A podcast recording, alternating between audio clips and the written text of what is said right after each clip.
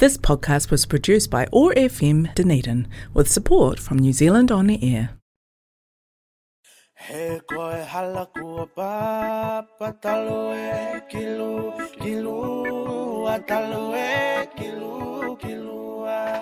A waha a kolo, ki he ahi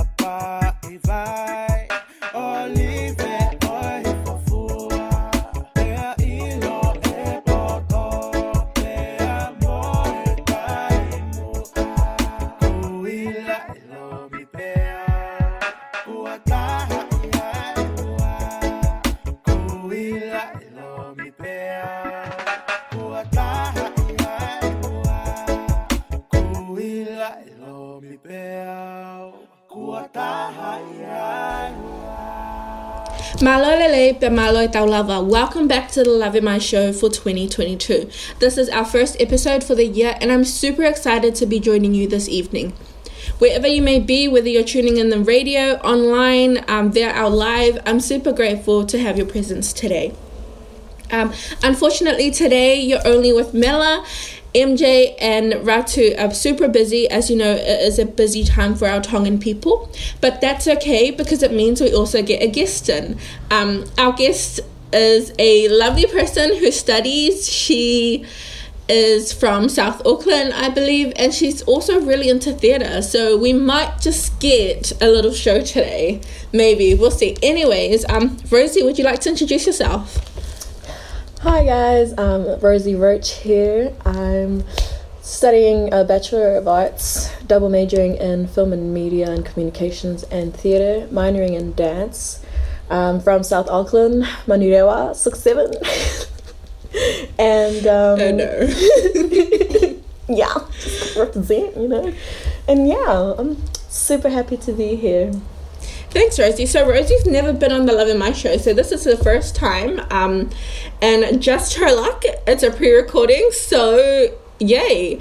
Um, anyway, we're gonna listen to our first song for today, and it's Eki Go Ofa Au, the remix, which was played um, when the millennium started, and Tonga was the first nation in the world where the sun rose um, in the early 2000s. So, yeah. I'm Mal speaking to you from uh, very close to the daytime where the millennium will first occur.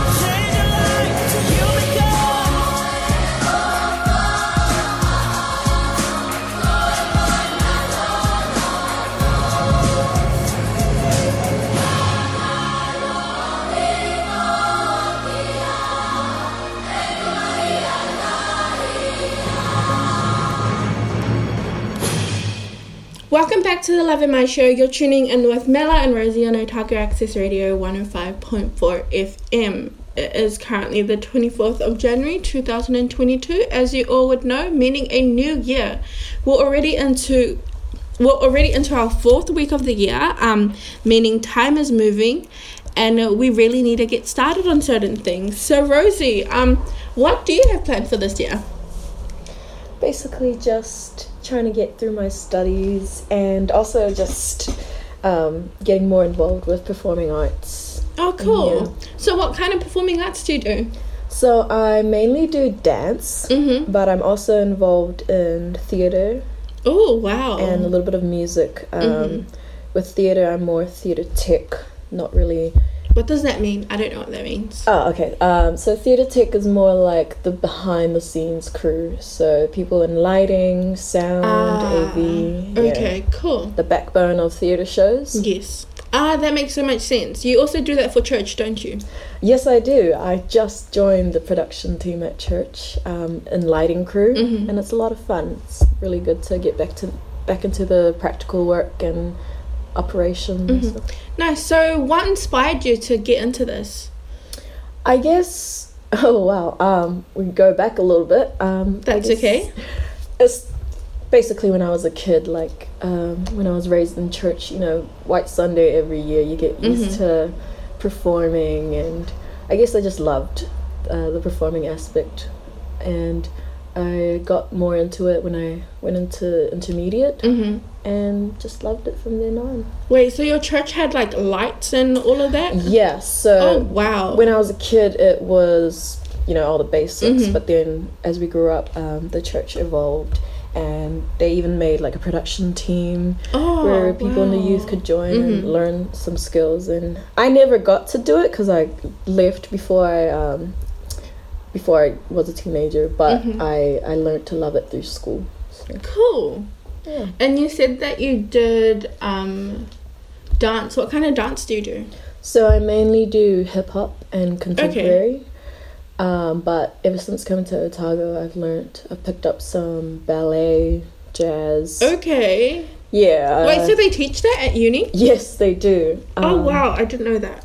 It's, yeah, the dance department isn't that big. There's actually Mhm. only one lecturer. Um, her name's Ah. Sophia, but she's an amazing teacher. And yeah, it was really good to learn something new. Mm-hmm. Oh, that's real cool. Interesting, though. Thanks Very for sharing. Interesting. It's all good. Cool.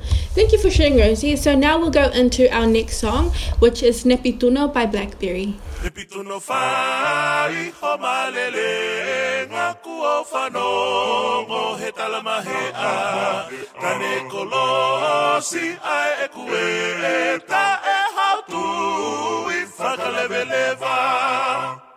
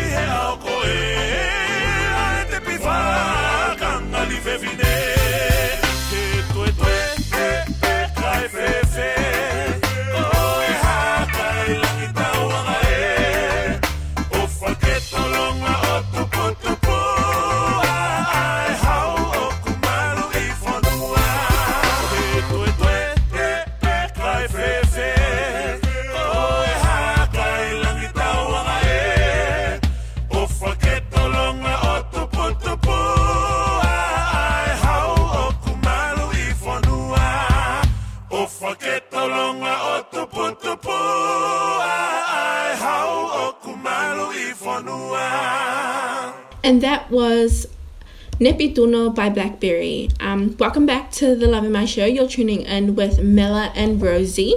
Welcome back, Rosie. Thank you, thank you.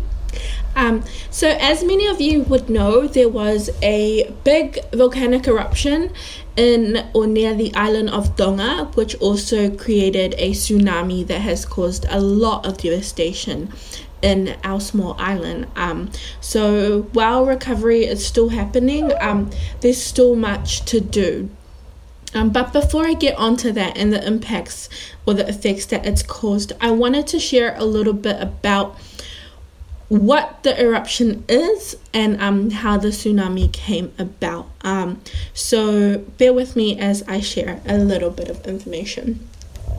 Um, so on the 14th of January, a very large eruption on Hunga Tonga and Hunga Ha'apai, an uninhabited volcanic island of the Tongan archipelago in the South Pacific Ocean, began. It reached a powerful climax the following day on the 15th of January. Hunga Tonga is approximately 65 kilometers north of Tongatapu. For those of you who do your measurements in miles, that's about 40 miles off the coast of Tonga. It reached um so off the coast of Tongatapu, sorry, and um, is part of the highly highly active Tonga Kermadec Islands volcanic arc, a subduction um, zone extending from New Zealand's northeast to Fiji. The eruption caused the tsunami in Tonga, Fiji, American Samoa, Vanuatu, and along the rim of the Pacific Ocean, including damaging tsunamis in New Zealand, Japan, and the United States, the Russian Far East, Chile, and Peru. So that's just super crazy how far in the world it kind of just was like a ripple effect and just kept on going. Um, at the moment, at least three people um, have passed away during the time of the tsunami. Um, many, some were injured, and many remain missing in Tonga from the tsunami waves, which reached approximately 15 meters high. Um, two people drowned in Peru when a two meter wave struck the coast, but preliminary data indicated that the event was probably the largest volcanic eruption in the 21st century and the largest since the 1991 eruption of Mount Pinatubo.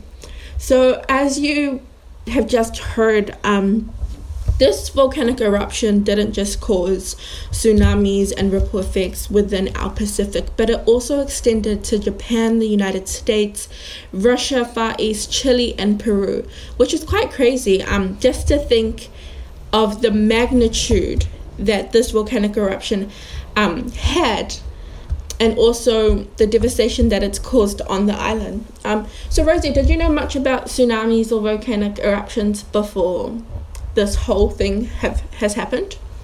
Um, maybe tsunamis, but volcanoes. No, I don't have that much knowledge Mhm. them. Especially one of this magnitude. Like that's crazy.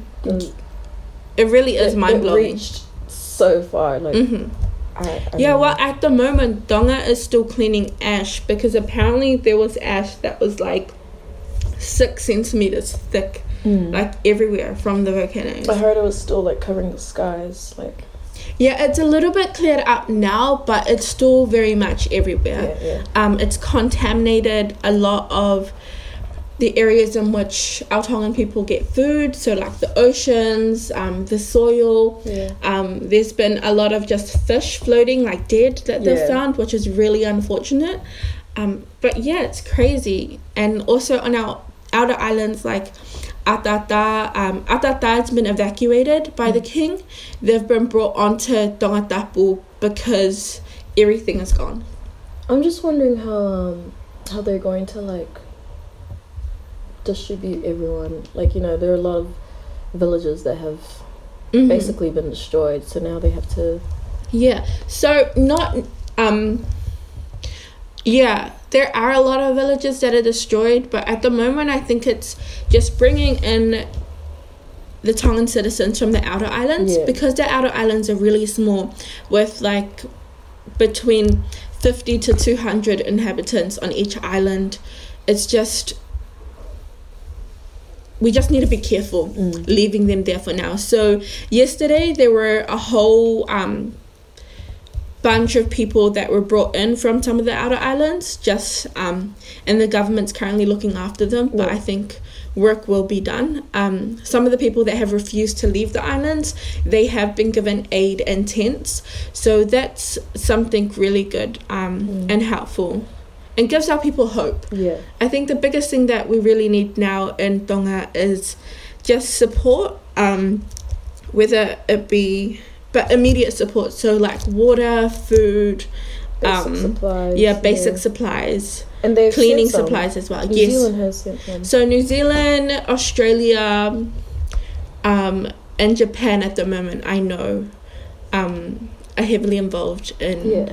The recovery. I think I read an article about China sending something, but there's nothing to confirm that they've arrived yet. So we'll wait and see. But yeah, so that was a very interesting discussion. Um, our next song is Haile Ki Britania by Blackberry also. Stay tuned.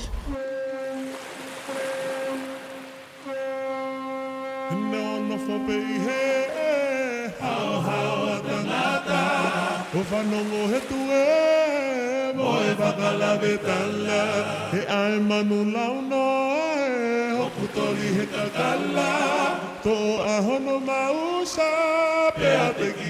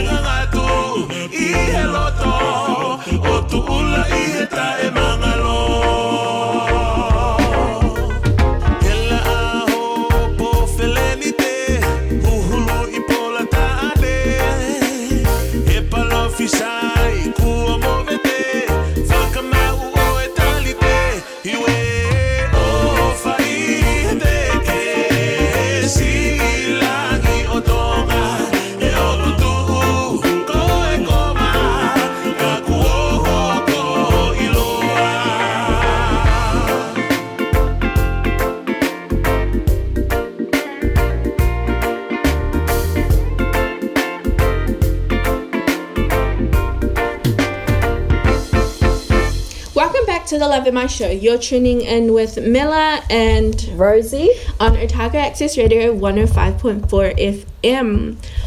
Wow, Dunedin weather is just not that great today, is it? Is it even summer? I know, right? Oh, but I'm not gonna lie, I prefer cloudy, like clouds and rain over sun. oh yeah. Anything other than Auckland weather, oh, I'm good. But yeah, so what else do you have planned for the rest of the week, Rosie?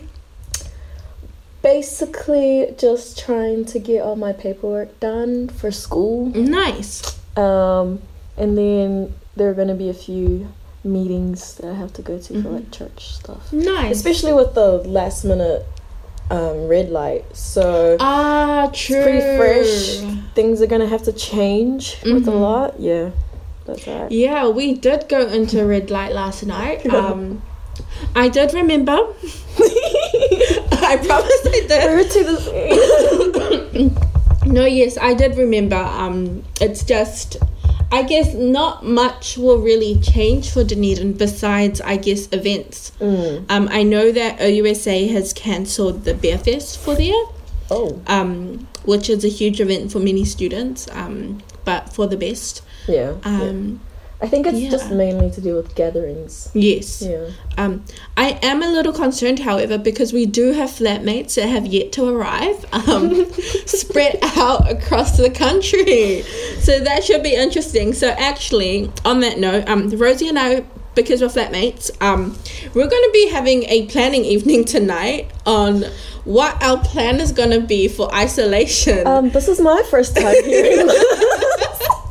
When Sorry? Omicron arrives, um, actually, I only had this idea because I was reading an article, and it like it was actually very informative. I think it was on New Zealand Herald, and it was just like things to think about. Um, and to prepare for if someone in your household gets Omicron. And I think it's super important because we all live such separate lives Yeah. and our friend groups are all so very different and we all like just attend different events work in different places the place. yeah so our close contacts if any of us got it would be crazy a whole list. like it would probably be the whole of dunedin like my you, bosses my bosses would not be happy with me. Um, so yeah, I would highly encourage you all that if you haven't thought about an isolation plan, um, or just a plan of attack if anyone in your household gets COVID, um,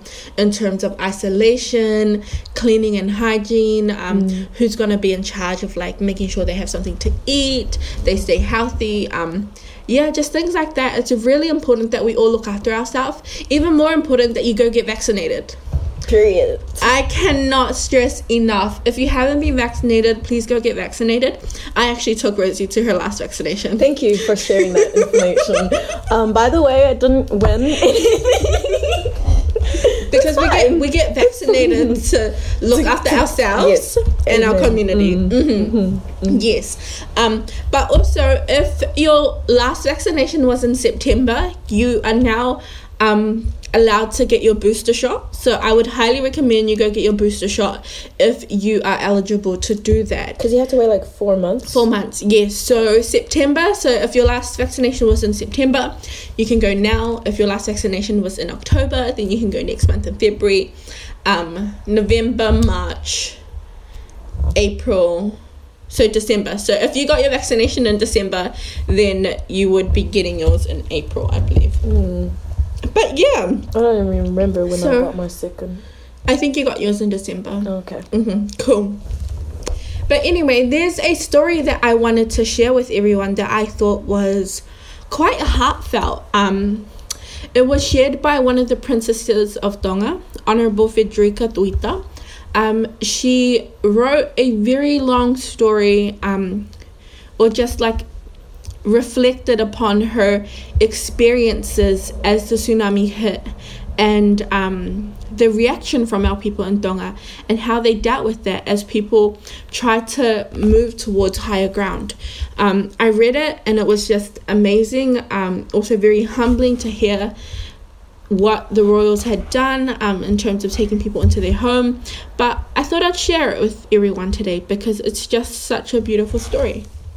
Um, have you read the story? No, I haven't. Okay, cool. So it'll be Rosie's first time too. Okay, so here we go. Um, a reflection by Honorable Frederica Tuita of when the tsunami hit on January the 21st, 9:53 a.m. All praise and glory to the highest and most holy, our Heavenly Father, for seeing Tonga through the volcanic eruption, which not only shook heaven and earth, but shook the very core of everyone who was here in the kingdom that day. The volcanic ash has settled into every crevice our lives of our lives, and we still sleep in fear of another eruption. Yet through the ash, panic, and chaos, I saw hope. In the rush to evacuate with my parents to the villa, His late Majesty King George V's residence, located on the highest point nearest to town, I was separated from my children. I decided to try and cheer everyone up around me, which in turn kept me from worrying about my children, who I later confirmed were safe at home with my elder sister and her son. The power all over Tonga was out, and we were using phones and candles to see. While I was sitting in the villa dining room, I looked outside and I saw it. Through the dark was a stream of vehicles coming up the villa driveway. Their Majesties had kept the gates open for anyone se- seeking refuge from the tsunami wave and volcanic ash rain. The entire estate had vehicles parked in it from back to front. Families gathered on the porch, and we welcomed children and elderly into the dining room. The look of relief as grandmothers closed their eyes, sitting on soft seats, brought us comfort, brought us all comfort. I sat with my phone light on Elizabeth Gite and M- Mille Manu Bloomfield and watched them tearing large black and purple pieces of material left from Baroness Tupu Tupu and Lord Ma'afu's funerals for everyone coming in. Almost all of them didn't have masks, and the air was thick with dust and sulfur. As more people came in, I decided to free up my chair for them, and I found a spot on the floor near my parents and Her Majesty the Queen at the entrance hallway. Even from the hallway, I could hear people and ch- children coughing, mothers patting their children's backs and shushing softly to comfort them. As we sat there waiting for any news, an army truck turned in with bottled drinking water. Her Majesty excused herself as she saw to the distribution of water, startling those uh, sitting outside who looked, then took a second look to confirm it was the Honourable Majesty standing before them, giving them water. Late into the night, I could hear a child wake up crying, perhaps surprised to find themselves in a strange place. All our senses were on high alert. I didn't want to believe there was less sulfur in the air, so I asked my mother and Her Majesty the Queen if they thought there was less sulfur in the air. They agreed. The air in the house was still. We opened the door just a little, but the air brought with it ash and dust that I could feel hitting my face. We closed the door, but not before I whispered to my mother's police security. If the police drive out and go past my home, please let me know so I can hitch a ride. I need to see my kids. She said yes, and I had more reason to stay awake and wait. Before leaving their home, my father grabbed his radio. At the villa, he found a wooden chest and sat on it with his radio on his lap. He would turn the radio on from time to time so we could listen for any news of the volcano. We all had a mixture of feelings until mother turned to us and said, Si aonga pene langa eh? She was referring to His late Majesty King George V. Um, in translation, it's um, how useful was this house being built? Not many, not even I knew that he had built the villa for such, for reasons such as this. The driveway is long enough for so many vehicles to park along. Safe on high ground, I took another look at the families coming in with all the facilities available to them, turned to my mother and said, Yes, mum, aonga au pito e ne mā i moa ki he kakai. Suddenly, my cousin Laite walked in and told me the ash rain had eased up and the police van was able to take me home. I bid Her Majesty the Queen and my parents goodbye and made my way through the thick layer of ash on the ground to the vehicle. As we drove on the road, no other vehicle was moving. Everyone had been told to find shelter.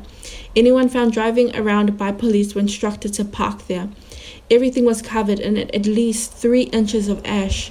The road was dark and the island was completely still. With uncertainty lingering in the air, we turned into my home, and relief washed over me as I saw a candle light shining out from inside. As I walked up and greeted my sister and husband, who had sought safety there, and walked inside to all three of my children running towards me, I knelt down and embraced them all at once. This was all the sus- sustenance I needed. With my daughter and son safely in my arms, I was ready for the sun to rise and help light the way to the kingdom's recovery. The end. Yeah. Like it's such an insightful piece. Also, for those of you who don't know, um, so the villa that they had opened up to the people is King Tupou V's palace Yeah. and it's um if you go through Tonga and you drive near it like there's a huge driveway um it's like an open estate so you can see it and like the gates is just like you know those metal like they look like spears. Yeah, yeah, yeah. So it's like that across so you can fully see inside. And it's guarded by guards. Um but there's a really long driveway and then just a palace at the top. And you can see it clearly. And for anyone who knows Tonga or Tongans, um, there is a very high sense of respect for our royal family. Like you cannot enter their property, you cannot walk up to them like you crawl up to them. So for the queen to be handing out water was such a humbling experience for people because it's not something that we do. It's not something that they do for us. It's That something was- that we do for them. That was the part that hit me the most. Like, Yeah. I don't think you can, you read anywhere else, like any other royal family Mm-hmm. doing something like that, opening up their home yeah. and just like treating everyone, you know, No, definitely. it's, it's a beautiful thing. But yeah, so I'll let you dwell on that um, because it's such a powerful story. Um, the next song is Mamani o Whakaofa. Um, please stay tuned. You're tuning in with Mela and Rosie on Otago Access Radio 105.4 FM. Mani o ku whakaofa, hono tala no whanonga loa ki e mala ia, more ai le lei.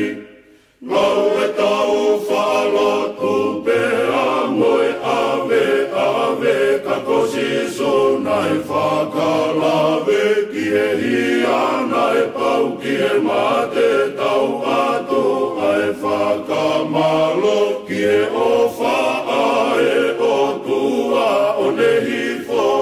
whonua loto ko i aho tau hau anga.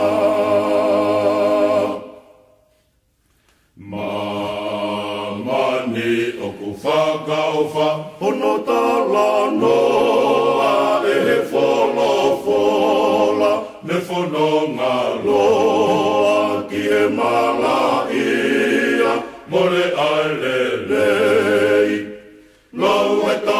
Lau e tau whalotu moe ave ave ka kosi sunai whakalawe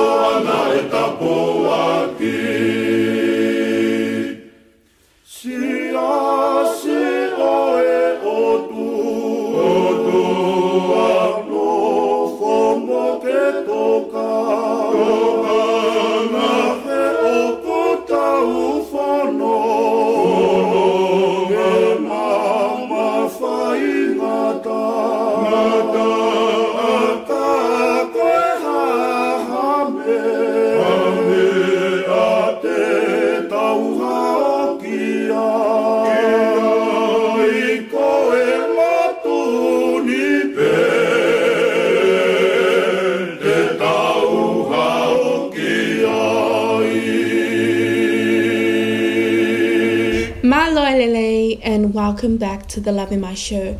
You're tuning in with Mila and Rosie. on Otago Access Radio 105.4 FM.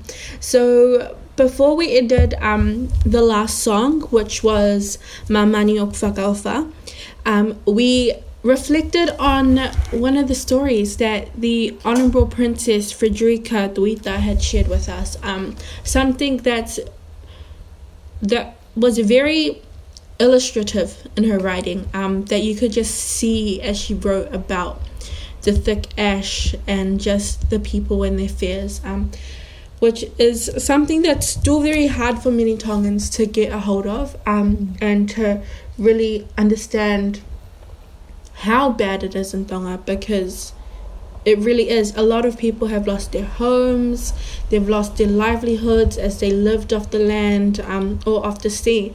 Um, so, anyone who is wanting to support um, or show their support for Tonga, um, there are a lot of organizations that are sending things over to Tonga. Um, there's also GoFundMe pages if you want to donate, um, but there's also a Tongan Relief Fund that will go directly to Tonga. Um, if there's anything that I would encourage, it is that you look for the relief fund that is connected directly to the people of Tonga so you can actually see um, the big difference that it's making.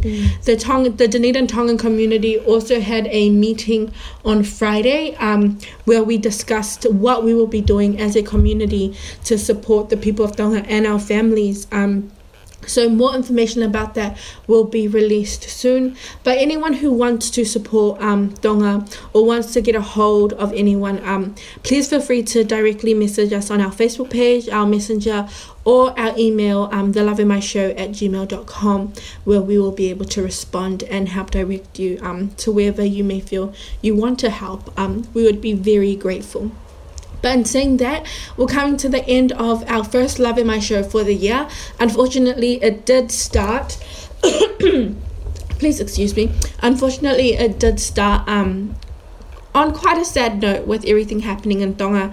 But our Tongan people are very resilient. Um, if anything, we will come back stronger and we will be more prepared next time. Um, so yeah, thank you, Rosie, for joining me today. Thank you for having me. Um, it's been actually quite fun. I wasn't sure how. Obviously, it's me.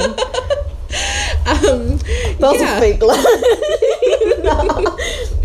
okay, but yeah, thank you so much for tuning in with us. We hope that you will come back in a fortnight and join us. Um, and hopefully NJ and Ratu will be back in the studio. Um, but until then, please take care. Please be aware of the red light rules and just look after yourselves and stay healthy. It's really important that we all stay healthy. Um, take care of Atu and see you soon.